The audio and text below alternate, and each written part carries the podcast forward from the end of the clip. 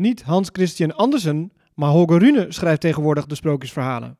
Mijn naam is Stefan Kok en tegenover mij zit zoals altijd David Avakian aan de tennistafel.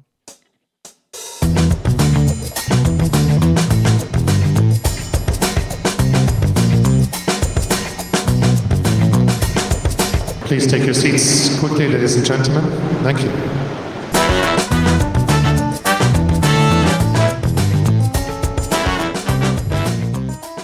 Echte, dit keer. Een echte? Tennistafel. Jazeker. Ja, als ik zou willen zou ik je kunnen aanraken, Ja. maar ik wil het niet. dus ik doe het niet.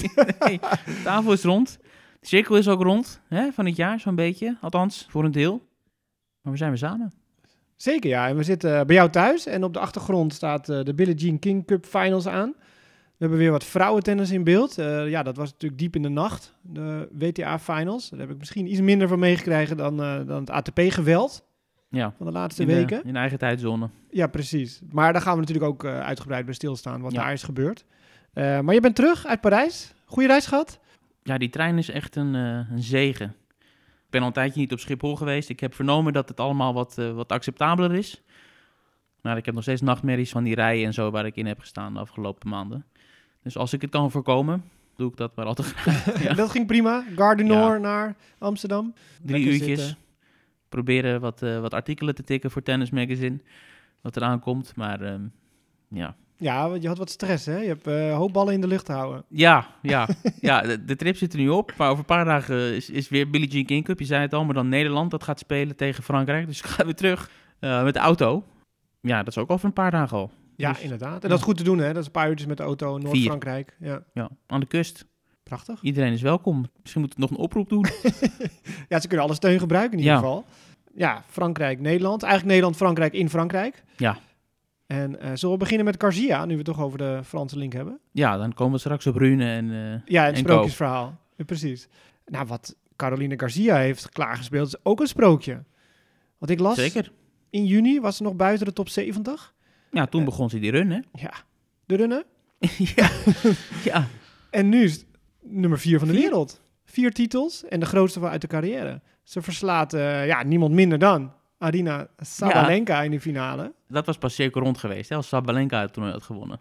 Ja, dat we dat zeker. nu hier hadden kunnen vieren. Ja, nu is het alleen nog maar een C met zo'n, van de cirkel met Ja. zo'n gaatje erin. Dus niet de O, hij is nog niet rond. Ja. ja. Maar ook die heeft wel stapjes gemaakt. Als we keken naar het begin van het jaar, hoe ja, zonder zelfvertrouwen en die serve natuurlijk helemaal weg is. Wereldrecord, dubbele fouten. Precies, en hoe ze daar nu staat te spelen.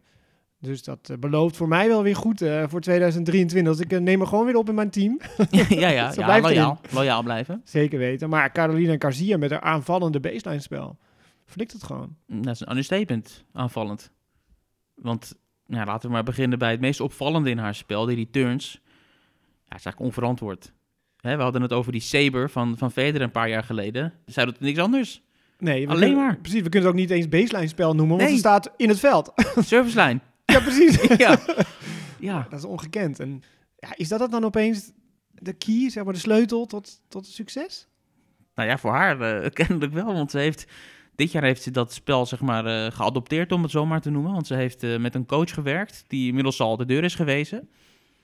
Weer een heel vreemd verhaal, waarom die coach ineens weg is. Die haar dat echt wijs heeft gemaakt van dit is de manier waarop je moet spelen. Dit is jouw succesmethode. Hyper aanvallend spelen en ook met die returns inderdaad. Overal op instappen, ook al is het soms eigenlijk belachelijk. Want dan heeft ze totaal geen controle over die bal. Dan slaat ze bijna het stadion uit, omdat ze gewoon geen tijd heeft om het racketblad goed te krijgen. Nou, die coach is weg, maar die manier van spelen heeft ze wel volledig omarmd. En dat heeft haar ontzettend veel succes gebracht. Dus eh, bedankt voor de tip. Daar is de deur. Ja, een raar team, hè? want die vader die is altijd onderdeel geweest van het team. Lange tijd ook de coach geweest die er altijd bij was. Nou, die is toen naar de achtergrond eh, verwezen. Die moest vanuit Frankrijk eh, de boel runnen. En er was een andere coach, ik ben even de naam kwijt, die dan met haar mee zou gaan. Die was er ook bij bijvoorbeeld in, in Cincinnati. En ik geloof ook bij al die andere toernooien die ze won daarvoor. Maar die is ook ineens weg. Er schijnt iets, iets loos te zijn. Weer iets mysterieus binnen team Mhm. Caroline Garcia. De vader is weer terug. Waarvan je ook wel eens geluiden hoort dat hij niet altijd even oké omgaat met, eh, met zijn dochter. Dus het is een beetje een vreemd verhaal, maar het succes is eh, onmiskenbaar. Nou ja, zeker. En eh, ja, alle credits naar Andy Murray. Die het volgens oog. mij twaalf jaar geleden al zei van... Hij zag haar spelen tegen Sharapova, meen Ja. ik. In Parijs, Roland Ja. Dit, dit wordt de toekomstige nummer 1 van de wereld. Nou, zover is het nog niet. Maar, Maar nummer twee, ze heeft volgend jaar tot juni, wanneer ze haar run begon, heeft ze helemaal niks te verdedigen. Want ze is maanden geblesseerd geweest ook. Dus ze begint 2023 als nummer vier. En kan een half jaar gaan. Eigenlijk alles wat ze doet is plus. ja, En. Sviontek is niet te bereiken natuurlijk. Mhm. Maar die nummer twee positie, waarom niet? Nee, zeker. Dan heeft ze natuurlijk nog Moresma voor zich, die ooit nummer 1 van de wereld was. Ja, we hebben wat afscheid genomen in Parijs van wat eh, mannen. En eh, Ja. nu staat eh, Garcia op als vrouw, zeg Ja, maar. Geen jonkje, hè? Dus, Laten we dat nee, opstellen. niet. 29. Veel ervaring ook in dubbelspel. Dus Ja. echt een allround speelster. En ik kijk graag naar haar. Ja, Ik bedoel, technisch ziet het er goed uit, vind ik. Soms was ze wel wat labiel mentaal. ja. Maar hij heeft een goede kickservice. Dat, dat vind ik altijd heel bijzonder mooi als een vrouw Ja. een mooie topspin service heeft. ja, ze heeft af en toe wat dagen dat ze totaal het gevoel niet heeft. Dat het grandioos misgaat. maar ze heeft het nu allemaal heel goed onder controle. Op alle ondergronden heeft ze een titel gewonnen. Cincinnati won ze. Dit won ze. Nou, dat zijn, dat zijn grote toernooien.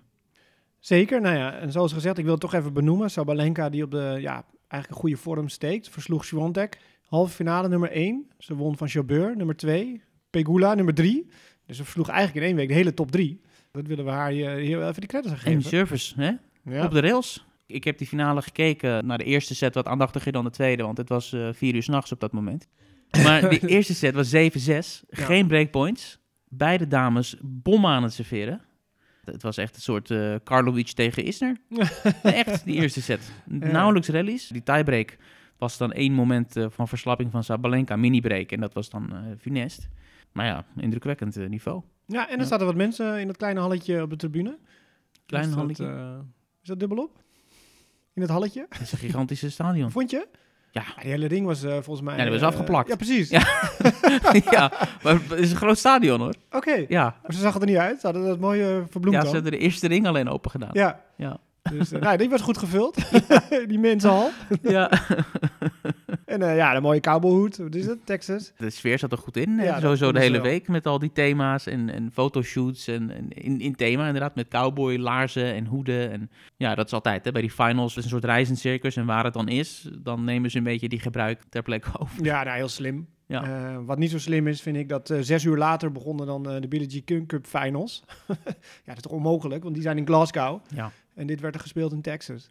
ja. Elise Mertens en Kuder Mettewa, die wonnen het dubbelspel. Dus dat is dan maandag eh, dat ze dat heeft gedaan, winnen. Was ook al vreemd waarom die finales dan op maandag werden gespeeld. Ja, ik ben even kwijt eh, waarom dat was. Ja, ik ook. Dat is een reden voor geweest. Ja, zeker. Ja. Maar zeker als je zo'n zo'n strak schema hebt, is dat heel raar.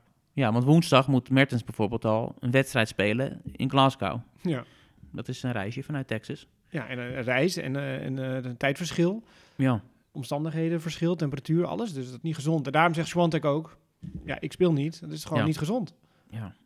En Mertens had half negen een persconferentie en tien uur moest het vliegtuig halen. Dat soort goed. dingen. Ja. Mertens en eh Kudermetova wonnen van Schuurs en Kraftschiek in de halve finale. Dik? Overtuigend, 6-1, 6-1. Ja. Eh, maar ja, moeten we even benoemen dat Demi Schuurs Ja. daar natuurlijk ook, ja, uiteindelijk achtste geplaatst, eh, ja, mochten daar aan meedoen. Niet echt heel supergoed, bijzonder seizoen. Maar ja, Nou ja, net aan gehaald. Dus wat dat goed betreft genoeg eh, voor goed de, genoeg. de finals. Ja, ja, nee, absoluut. Belangrijk. Ja. Nou, die kon het seizoen niet bekronen met zeg maar, nog een soort eindslotakkoord. Goed, die, heeft, eh, die heeft genoeg. Hè? Eh, ja, hij heeft genoeg verdiend eh, aan punten, aan geld, aan Ja. eh, roem, aan ja, alles. Je eindigt dan je seizoen met een verliespartij. ja. Maar goed, het maakt je misschien ook wel weer hongerig om uh, ben ja, hard benieuwd. off-season te gaan trainen en naar Australië te gaan pakken. Ja. ja, ik ben benieuwd of ze dit vast kan houden. Zeg maar, dit jaar is bijna niet even naar. Als ze dit zo door kan trekken, nou, dat zou ik me verbazen. Nou ja, ik denk dat ze alles op alles zetten om de Australian Open te winnen. En dan zien we wel weer. Dus ze zal ze ongetwijfeld voor de Career Grand Slam willen gaan. Ja, ook dat. Maar ze weet nu dat ze op har- hardcore natuurlijk een eh, Grand Slam kan winnen. Ja, Ja, niks gavers om dan eh, een ander slam ja te zeker. zeker. Ja. Kijk, twee keer Roland Garros winnen is leuk, maar die US Open was misschien wel nog wel meer waard dan die tweede Roland Garros titel. Dat lijkt me wel, ja. Ja. Kijk, net als Wawrinka vind ik ook zo mooi. Koffie! Ja, koffie. ja, ja. Koffietijd, stop ermee! Ja. Oh jee, ja. Nou ja, goed. Hoort erbij. Einde van het seizoen. Ja, maar dat vind ik zo mooi bijvoorbeeld van Wawrinka, wilde ik zeggen, voordat de koffie begon te ratelen. Weet je, drie slams, eh, drie verschillende. Ja, Het is gaaf. Kerber ook. is toch gaaf. absoluut, absoluut. Eh, Garcia, nou ja, dus ook naar Frankrijk, waar jij straks ook naartoe gaat. Eh, ja, Nederland, afzegging van Ariane Hartono is geblesseerd. Wordt vervangen door Lexi Stevens. We hebben Suzanne Lamens en eh, Leslie Patinama Kerkhoven. En nou, Demi Schuurs mag ook een Ja. tripje gaan maken. Ja, dat lijkt een onmogelijke opgave voor Nederland tegen Frankrijk in de play-off. Belangrijk, als je verliest, zak je af. Win je, mag je qualifier spelen volgend jaar. En eventueel misschien dan naar de finals. Ja. Maar goed, Nederland is waar het staat, ja.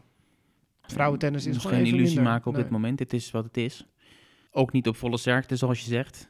Tegen ja, gigantisch tennisland als Frankrijk, dat echt kan kiezen. Ja. Kijk, Garcia die zal er ook bij zijn. De vraag is of ze zal spelen, of ze het nodig zullen vinden dat zij speelt. Want ja, het krasverschil op papier is enorm. Met eh, Cornet, Barry en die Paquet en Kristina Mladenovic. Maar goed, weet je, alles kan. De bal is rond? De bal is rond. 1 tegen 1 of 2 tegen 2. ja, dat is Hè? waar, ja. Eh Ranska Rus speelt dus niet. Die, eh, ja, die kiest even voor de Ja. eigen carrière om wat punten te verzamelen. Om, ja, uh, CN Open staat op het spel. Ja, maar ze had de finale gehaald, hè? Ja, en 25.000 ITF-toernooi. Daar zijn we alweer beland. Mhm. Niet gewonnen. Nee. Ja, ik weet niet wat ik daarvan moet vinden. Maar hij heeft het punt opgeleverd die ze ja, kan gebruiken. Iets, ja, iets. Maar, dat, Maar ja. dat blijft ze dan gewoon nu doen tot het eind van het jaar. Ja, ik weet niet eh, haar schema verder. Geen off-season. Nou ja, ze is wel een type die natuurlijk altijd veel toernooien speelt. Maar ze zal waarschijnlijk net zoveel spelen totdat ze zeker is dat het is gelukt. Of dat ze in ieder geval op het randje staat. Ja, dat waren de vrouwen, denk ik. Kunnen we de switch maken naar de mannen. Eh, waar jij eh, bovenop zat. Ja. Mag ik onerbiedig zetten. Ja, Ja, het sprookje van Rune, ja niet te geloven. de Deen. Hij wint eh, het Masters 1000 toernooi van Parijs. Geweldige finale tegen Djokovic. Nou, ik heb twee van de beste wedstrijden uit mijn leven gezien daar. Achter elkaar. Dat was die halve finale Djokovic-Tsitsipas. Ongelofelijke wedstrijd. Tsitsipas speelde de sterren van de hemel. En daarna Rune, die finale. Nou ja, ik dacht dat die wedstrijd kan niet overtroffen worden van Tsitsipas. Maar het was minstens zo goed. Misschien zelfs nog beter. Ook omdat het een finale is. Ja, waar te beginnen? Ehm, het sprookje van Rune. Je noemde het al in de intro. was natuurlijk een beetje een link naar eh, Hans Christian Andersen, de Deense sprookjesschrijver. Want dat, dat was het. Rune's eh, Run noemde ik het maar. Toen ik eh, Rune zelf sprak voor Ziggo. Ja, waar begon het sprookje? Het begon in de eerste ronde. Met Wawrinka. Drie matchpoints. Ik wou net zeggen, had hij matchpoints, ja. Op court one. Dus een beetje afgelegen. Hij was ver verwijderd van het grote centercourt waar het allemaal eindigde. Nou, daar komt hij doorheen. Krijgt nog een opmerking aan zijn broek van Wawrinka van... "Ni- je niet als een baby gedragen. Dat is mijn advies aan jou. Nou, dan heeft hij al meteen eh Precies. opgevolgd. Ja, dus dat was volgens mij wel gemeend ad- advies hoor, van Wawrinka. Dat was niet een soort een sneer of zoiets. En daarna op social media hadden ze al een soort van het, bijgelegd als daar al een ruzie was. Het wordt een Mhm. beetje opgeblazen op social media altijd, zoals dat gaat. Het is wel grappig, die conversaties bij het net. Wat, wat zeggen ze eigenlijk tegen Ja. elkaar? Oké, eh, nou, hij wint die wedstrijd. Wat hij dan doet is vijf top 10 spelers op rij verslaan. En dat is nog nooit iemand gelukt. Bij zo'n toernooi, de ATP Finals per definitie, daar zijn alleen maar top 10 spelers. Dus dan kan je niet anders als je dat Mhm. wint. Na Wawrinka kwamen achtereenvolgens Hurkacz, Rublev, Alcaraz, Felix en Djokovic. Dat is een rijtje. Dat is zeker een prachtig rijtje. En ja, wat je zegt, het begon natuurlijk met matchpoints tegen. Nou, dat overleef je dan. Eh Alcaraz niet helemaal fit. Nee, die gaf op. Gaf op. Nou ja, hij stond wel voor, eh Rune. Maar goed, een buikspierblessure, wat eh, ernstig is, einde seizoen. Einde seizoen. Dus dat is zonde voor de nummer 1 van de wereld. Dus dat is dan een beetje lucky. En Felix was volgens mij ook wel een beetje moe. Nou, maar Rune die heeft ook vier finales op rij hè, gespeeld. Dus die heeft evenveel wedstrijden in de benen als Felix. Ja, maar wel een ander seizoen eh, in de benen dan eh, Felix misschien. Ja, dat zal Rune nu ook gaan ervaren als top 10 speler. ja komt ook nog eens bij. Ja. Maar goed, Djokovic, ja, wint de eerste set in die finale. Dan denk je van, nou weet je, mooi, leuk voor Rune finale, Masters 1000, prima. Djoko die het al 180 keer heeft gewonnen in Parijs. Maar nee, met goed tennis kwam je gewoon terug, hè? Het is een combinatie van bizar goed tennis. En het is hyper aanvallend baseline tennis wanneer het moet. En als het nodig is, verdedigen. En als het nodig is, gewoon in die rally blijven hangen. En die controle hebben, gewoon tussen de oren zo scherp hebben wat hij wil doen, Rune. En op welk moment hij gas moet geven, op welk moment hij terug moet trekken.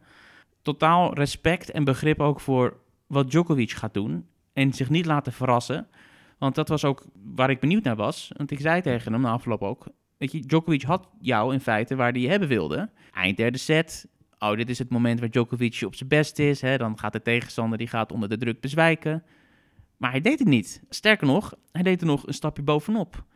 En Djokovic die zei zelf na afloop van, dat was echt ongekend. Eigenlijk zei hij, dat heb ik zelden meegemaakt. Dat iemand zeker op die leeftijd zo cool kon blijven onder die omstandigheden. Bijzonder. Ja, Djokovic stond nog een breekje voor volgens mij in de derde set. 4-2 even Hij kon hoofd. 4-1 maken. Ja. Teruggebroken. ja, en was 7-5 derde. Ja. En eh, die laatste game, ja, dat duurde een kwartier geloof ik. Eerste matchpoint dubbele fout. dat is wel lekker toch? Ja, want hij Wel ging leuk. voor een gigantische tweede service. Ja, het is wel mooi. Gewoon opgooien en denken van... oh, als ik hem toch nu goed raak, dan is het klaar, weet je. Ja. En dan lukt het niet. Zo, ah, alles zat daarin eigenlijk.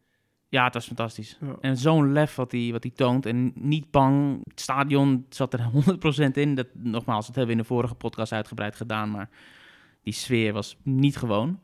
Met een paar eh debielen ook in het stadion. Die maar keer op keer tussen die eerste twee Ja, services ja. blijven gillen. Het is niet normaal. Het is ongekend. Ehm, met open mond zitten kijken naar dat lef. En het zonder angst kunnen spelen van Rune. Zo'n podium. En echt over mijn lijk. Hij moest en zou die wedstrijd winnen. Ja. Maar dat is dan toch wel het ongrijpbare van de flow, zeg maar. Waar topsporters heel graag in, altijd naar op zoek zijn en in willen zitten. En dat zag je aan Felix, die dan opeens zoveel finales achter Mhm. elkaar wint. En dan zie je nu Rune. Geen garantie dat hij volgend jaar een fantastisch jaar gaat hebben, denk ik. Nou, ik denk het wel. Ik denk dat Rune, die is, dat is een hele speciale. Deze week Ja, het heeft, is zeker heeft een aan mij wel bewezen dat dit is wel een soort buitencategorie qua mentaal. Naast tennis, hè, want daar kunnen we het zo meteen over Mhm. hebben. Als je dit kan, zeg maar, kan opbrengen in zo'n, op zo'n podium, met zo'n wil om te winnen, ja, waar komt dit dan vandaan? En als je het hem vraagt, als je zijn, zijn teamleden spreekt, zijn coaches, wie dan ook, iedereen zegt hetzelfde. Dit is een jongen die gewoon van kinds af aan, die wist en die zou en moest een wereldtopper worden. En die, die gaat voor nummer één. En die, die is obsessief bezig met tennis. En die wil niks anders. Die doet er alles aan. Op 300% elke dag om de beste te zijn. Ja, maar wat gaat er gebeuren? Er komt verwachting erbij volgend jaar. Hij is top 10 speler nu. Hij gaat verliezen natuurlijk. Je kan niet elke week winnen. Hoe gaat hij dan daarmee om? Dat is het grote Goed, verhaal. dat hebben we. Alcaraz gezien ook. Dat hij ook sinds die nummer één is Ja, niet zoveel Eh, klaarspeelt. precies Ja. kwetsbaarder lijkt. Gaan we zien. Maar volgens mij heeft hij, heeft hij het echt wel op een rijtje, deze jongen. Aan vertrouwen geen gebrek. Als er gebrek is, dan heeft hij Patrick eh, in zijn box Ja. zitten. Wat trouwens een hele rare dynamiek oplevert in die box. Want je hebt Rune, die natuurlijk uitbundig is. En dan heb je Patrick Muratoglu er nog bij, die ook super aanwezig is. Maar je hebt ook gewoon die Lars Christensen, de coach, Mhm. voordat Patrick afgelopen maand aanschoof. Die eigenlijk al jarenlang met hem bezig is. Maar dat is een hele rustige man. Die zit eigenlijk op de eerste rij. En dan zie je daar als een phoenix daarachter staat dan uh, Moeder Doglu met Ja. de borst vooruit. En de Die moeder... zegt niks en die staat dan alleen maar zo te shinen, zeg maar. Ja, met vuist. ja, ja. ja. Maar en, die de is- moeder, en de moeder, wat je zegt, noemde eventjes, Ja. super emotioneel. Na de wedstrijden, de interviews werden over het algemeen gedaan in de, de flash zone, heet het dan, of de mixed zone, dat is nu één. En dan gaan ze die tunnel in. En waar ze dan uitkomen is waar wij staan te wachten met de camera's. En dat is ook vaak waar de teams de spelers opvangen. Dus je ziet eigenlijk altijd na een wedstrijd, zie je dat moment dat ze elkaar in de armen vallen. Ik zag bijvoorbeeld hoe Gilles Simon ehm, na die wedstrijd, die hij verloor uiteindelijk, zijn vrouw en kinderen daar tegemoet kwam. Dat is leuk, omdat het allemaal in die hele rommelige zon is met mensen die, met cateraars die daar met, eh weet ik veel, met gerechten rondlopen en, en, en security. Echt een grote chaos is dat. En daar was die moeder inderdaad die, die Rune zo opving, omhelsde, een kus op het voorhoofd. Dus dat is leuk om, om te zien. Maar het punt dat ik wilde maken is, die, die Christensen is een heel rustige man. En Muratoglu die heeft flink uitgepakt met persdingen ook. Want we hebben diverse persconferenties met Muratoglu waren er. En ik heb, ik heb er ook aan meegedaan. Ik had hem ook aangevraagd voor Ziggo Sport om, om met hem te praten over het fenomeen Rune. Dat doet hij heel goed. Dat kan hij heel goed, dat vertellen. En die passie die hij heeft, die heeft Rune ook. Dus dat is een match die made in heaven, om het zo maar te noemen. Die maken elkaar eh, helemaal lekker, dat weet ik zeker. Maar ja, ik vraag me dan af hoe zo'n zo'n Lars Christensen dan daarbij zit. Die gaat dan rustig, als we in die mixzone, die, die loopt dan gewoon rustig eh, de kleedkamer in. En Muratoglu met zijn PR-manager, zijn enige Mhm. coach met een eigen PR-manager. Daar moet je dan afspraken mee maken als pers zijnde. Ja. Die begint dan allemaal persconferenties en zo te geven. Ja. Nou, misschien vindt Christensen dat wel heel prettig. Zou Juist zo'n afleider erbij in het team, dat hij dat allemaal niet Ja. hoeft te doen. Zou kunnen. Zou kunnen, puur ja. tennis. Maar hij moet het ook inderdaad, eh, ja, die PR eh, draait op volle toer. En dat heeft hij al in het begin gehad, want nou, ik denk 15 jaar geleden ben ik geweest daar in Frankrijk met hem. Heb ik nog een keer eh, met hem mogen lunchen, omdat hij dan eh, voor mij ging schrijven. Toen was hij nog helemaal niet zo groot als hij nu is natuurlijk. Puur om, om marketing en PR te doen. Ja. Dus dan schreef je altijd zijn visie voor Tennis Magazine, wat we dan publiceerden over een bepaalde situatie. Ja. En dat was puur marketing voor hem. En dat deed hij dan in het Engels natuurlijk, dat ik ging vertalen. Maar dat stuurde hij dan naar verschillende tennismagazines door Europa. Ja. En zo eh, aan, aan zijn naam te werken. Ja, nou, dat is goed gelukt. Want, Jazeker, eh, wie ja. kent hem niet? Eh, Patrick. Ja, precies. Drie keer raden wat eh, de PR-manager tegen mij zei voor ons interview. Eh, don't mention the war. No questions about Simona. Oh, natuurlijk ja. Ja, Ja, dat is het Ja. hele Halep-verhaal met die doping. Daar wil hij ver van blijven, zo te zien. Geen vraag eh, erover. Was ik niet van plan hoor, maar dat is nog wel een, ja detail. Ja. dat hij dat zei. Even terug naar Rune. Dat mentale is één ding, maar het tennis, die backhand vooral. Nou, zeg maar als je denkt hij zit nu in een, in een positie gedwongen of in een, in, dat hij achterwaarts staat te spelen. Hij kan met die backhand zo gigantisch nog uithalen op het moment dat je het niet verwacht. En zo diep en zo constant. Nou ja, ik heb dat niet vaak gezien. En Djokovic zei het ook. Mhm. En Felix die zei het ook. Hij zegt, ik heb niet vaak in mijn leven meegemaakt dat iemand zo, zeg maar, voortdurend, zo hard en zo diep en zonder fouten zo kan spelen. ja. Er is iets bijzonders in dat spel. Maar dat is de flow waar hij in zit. Dat het allemaal lukt, denk ik. Ja, maar eh, flow is één ding, maar mensen als Felix en Djokovic die toch al het een en ander gezien hebben, die zeggen van, dit hebben we eigenlijk niet, niet meegemaakt, dat iemand zo speelt. Dat hoor ik ook niet elke week. Nee, ja, geweldig. Maar gaat maar vijf jaar volhouden. Ik hoop het. Ja. En Djokovic, ja, die speelt ook goed. En die deed eigenlijk wat hij altijd doet. Ik ga er nu voor. Het werkte niet. Nou, je zag hem wel met zijn approach, zeg maar, twijfelen, vond ik. Dat hij Beetje, een halfkort ja. bal kreeg, zou ik naar die voorhand gaan of naar die backhand gaan? En Ja. daardoor kwam hij net een stapje te laat bij het net. Waardoor hij de openingetje liet. En ja, Rune het met beide handen aangreep om hem te passeren of een moeilijke bal op zijn Ja. voeten te spelen. Daar zag je wel die twijfel bij Djokovic. En dat dwong Rune af. En dat is knap. Ja. Dat is het verdienste van Rune eigenlijk. Ja, Djokovic werd nog gevraagd na afloop door een Spaanse journalist die, die alleen maar vragen over Alcaraz stelt steeds. dus elke persconferentie was het weer, ehm, wat is het verschil tussen Alcaraz en Rune? Aan iedereen vroeg hij dat. En, en Djokovic die zei, ja, er zijn natuurlijk veel verschillen. Qua tennis zou ik zeggen, Alcaraz heeft een aanzienlijk betere voorhand. En Rune heeft een veel betere backhand dan Alcaraz. Mhm. Maar dan zei hij tegelijkertijd, ja, ik wil het meteen nuanceren. Van, het zijn allebei, hebben ze ook een fantastische backhand Ja. en een fantastische voorhand. Het, zijn, het gaat om details. Maar dat is zeg maar het meest opvallende. Maar het zijn allebei gasten die, die fysiek zo sterk zijn en mentaal er zo klaar voor zijn. Op zo'n jonge leeftijd. Dus de toekomst is eh, rooskleurig. Dat eh, bidonnetje kwam iets te laat voor Djokovic. Ja, bizar hè? Het was halve finale tegen Tsitsipas dat dat gebeurde. Zijn box die was dus bezig met een poedertje en een Ja. bidonnetje te doen. En er was niks aan de hand totdat ze merkten dat ze gefilmd werden. Toen eh, ging iedereen ervoor zitten. Ja, Dat we niet konden zien wat er allemaal gebeurde. Nou, eerder in het jaar is natuurlijk ook al naar gevraagd naar de Joker van... eh, hey, wat zit er eh, in een speciale bidon? Had hij iets van lucht of zo, had hij het over? Hij Ja. wil het niet zeggen. ja hij heeft nu een keer lucht gezegd. Hij heeft een keer gezegd een magisch drankje. Kan ik het nu niet over hebben. Vreemd. We willen niet zeggen dat dit een doping is of wat dan ook. Maar het is gewoon raar om dat op die manier te willen doen. Ja, en, en er niet eerlijk over zijn. Eh, Of, eh, zeg je dat Ranja is, kan mij het schelen. Ja, Maar dit wordt zo geheimzinnig. Er wordt alleen maar opgeblazen. ja, Nou ja, hij niet, hoop ik. nee, Daardoor. Maar ja, vreemd verhaal. ja. Het gaat ook lelijk op social, dat filmpje. Ja, het, het ziet er ook eh, bizar Ja. uit. Die conditietrainer van hem die dat sapje dan uh, klaarmaakt, zo onder zijn stoel. En dan aan de mensen naast hem vraagt om een soort uh, kokon eromheen te vormen, zodat niemand het kan zien. Ja, precies, ja. Die echt gewoon regisseren en, en neerzetten van jij moet zo zitten, zodat Ja. die camerahoek... Uh, nou ja, Ja, heel vaag. heel raar. Djokovic halve finale Tsitsipas. Tsitsipas die haalde ook een ongelooflijk niveau. Die verloor de eerste set. Die dacht alweer, oh, het is weer zover. Ik heb de afgelopen zeven wedstrijden van uh, Djokovic verloren. Dit begon weer als zo'n typische wedstrijd. Toen begin tweede set ging Tsitsipas vol het publiek erbij betrekken. Het ging hij echt met zijn armen in de lucht en iedereen uh, opzwepen en mee laten doen. Dat was heel slim van hem. Want de wedstrijd draaide volledig op dat moment. Hij kwam er helemaal in. Hij won die tweede set. Haalde een geweldig niveau. Fantastische rallies. En hij speelde echt, echt heel goed. En ik zei in de vorige podcast al dat Tsitsipas het weer te pakken heeft. Hij had die wedstrijd ook gewoon kunnen winnen.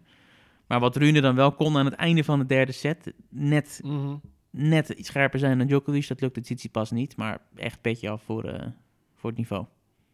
Ja, alleen maar leuk voor de ATP-finals die eraan komen. Dat al die gasten echt in uh, vorm zijn. Want ook Djokovic is gewoon in vorm. Ja. Kunnen we wel stellen. Zo, ja, kan je dus zeggen. dat wordt uh, een geweldig feestje. Ja, het is eigenlijk ongekend dat Djokovic die finale niet won. Het Ja. was echt een Djokovic uh, finale.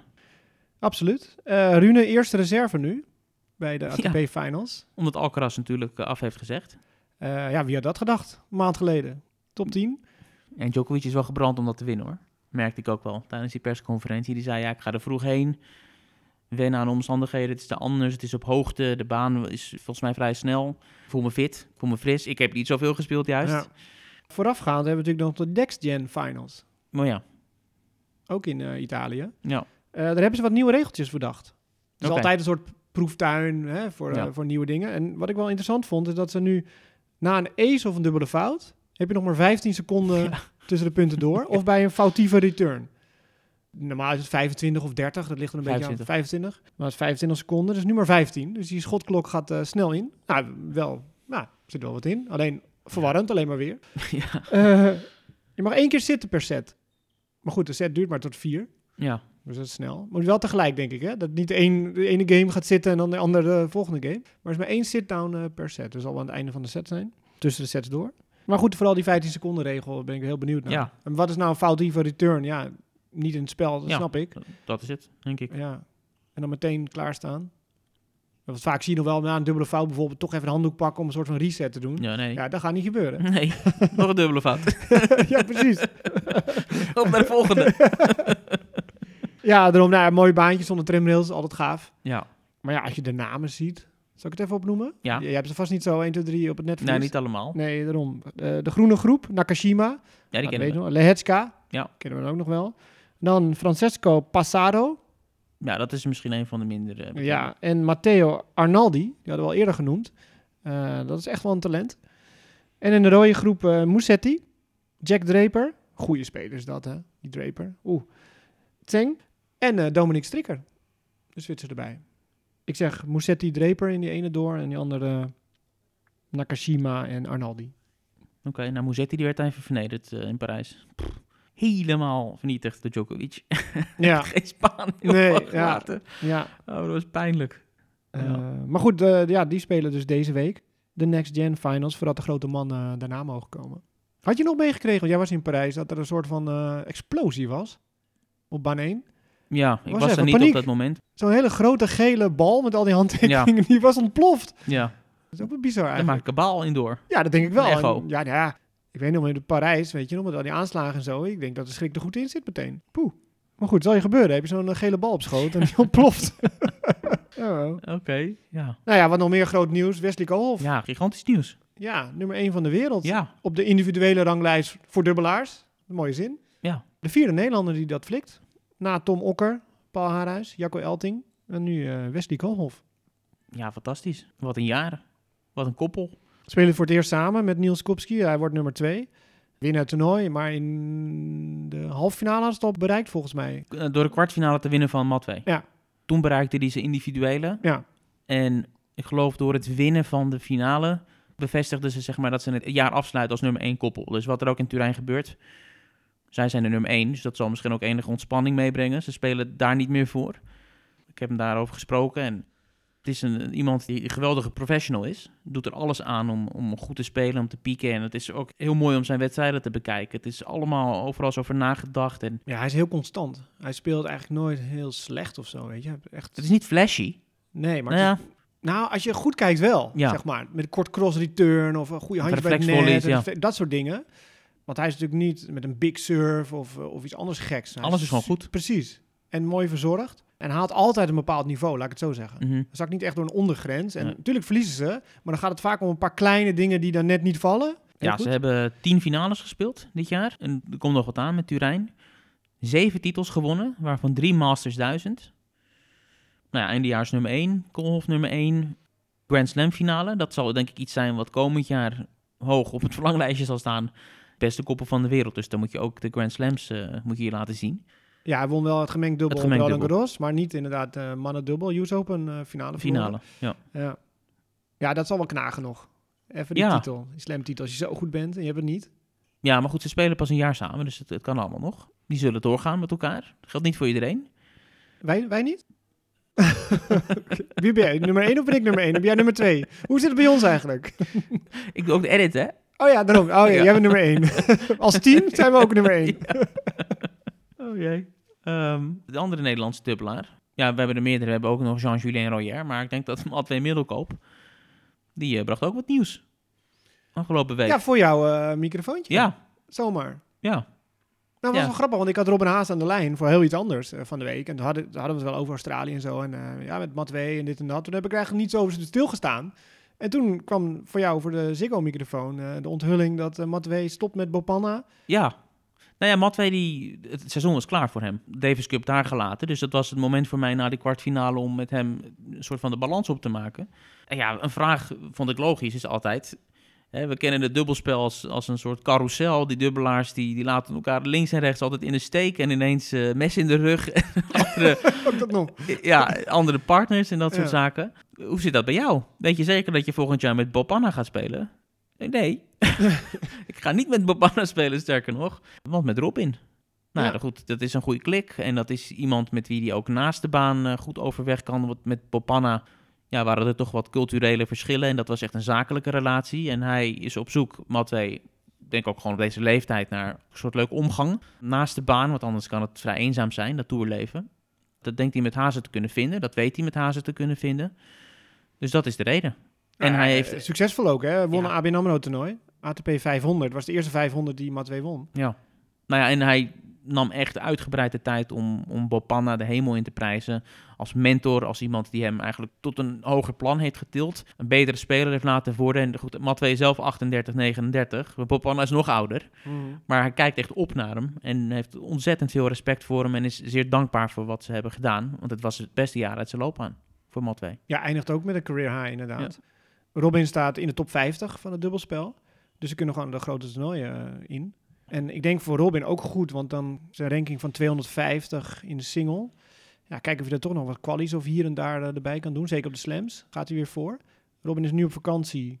Als terugkomt speelt hij misschien nog wat eh, challengers uit het niets, zegt hij. Mhm. Puur om die ranking kijken of hij nog eh quali eh Australian Open. Hij gaat wel naar Australië, dus voor die dubbel. We hebben al langer natuurlijk de gedachte en het idee van... zou Robin Hazen zich niet meer op dubbel moeten focussen? Nou, dat lijkt nu bij deze dan eh, te gaan gebeuren. Ja, dat kan heel goed dubbelen hoor. Want Ja, hij de afgelopen weken ook goed gespeeld met die Oswald, die Oostenrijker. Nou ja, we hebben Royer dan ook nog voor de finals in actie.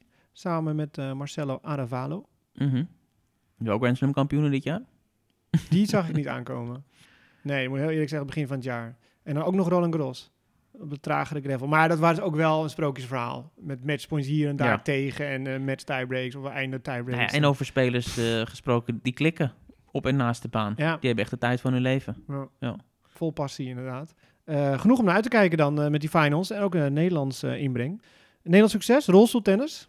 Ja, Dieder de Groot. Ja, je kan zeggen, van, ja, we wennen eraan. Die heeft gewoon bijna twee jaar geen wedstrijd verloren. ook dit jaar niet. Pakte haar vijfde wereldtitel op rij. Deed dit eh, ditmaal in Os. Ja, Ook nog een thuisvoordeel. de wereldtop in Os. Bij de Wheelchair Tennis Masters. Won single en dubbel. Dubbel met Aniek van Koot. Succes was er ook voor Sam Schreuder in de quads. Die eh, won van Niels Vink. Single en dubbel. Hij won in de single en de dubbel van. Ja, alleen, ja. ja, ja, Sam won natuurlijk van Niels in de finale. En samen wonnen ze de finale in het Oh, dubbelspel, David. nou ja, dat was wel een succesvol toernooi. Ja, Eh, ik dat bedoel, geloof eh, koninklijk eh, bezoek, de prijsuitreiking en zo. En er wordt alles aan gedaan. En ze zeggen ook eerlijk van, ja, van alle... ik weet niet hoe je dat noemt, onder die noemer parasport of zo heet dat volgens mij. Is tennis wel het meest inclusief, omdat ze ook op de slams en zo allemaal op dezelfde banen spelen Oh, ja. en alles dit en dat. En straks ABN AMRO Open, Mhm. mannen, vrouwen, toernooi ook rolstoel. Dus tennis loopt daar wel in vooruit, zeg maar. Terecht. Zeker. Nou goed, deze week nog de Next Gen Finals, waar we onze ogen op richten. En natuurlijk het vrouwentennis met de Billie Jean King Cup Finals. Die begonnen zijn in Glasgow. En eh, jij stapt in de auto richting Frankrijk voor het duel eh, Frankrijk-Nederland voor de playoffs. Dus daar gaan we dan eh, volgende week uitgebreid op eh, terugblikken. Hopelijk eh, sensationele verhalen. Ja, Laat ons verrassen. Ja, Ja. laten we de sprookjes eh, blijven schrijven. Ook daar. Wie weet. Ehm, dus dat staat op het programma voor volgende week in de, in de uitzending. Dus eh, voor nu, bedankt voor het luisteren. En tot volgende week.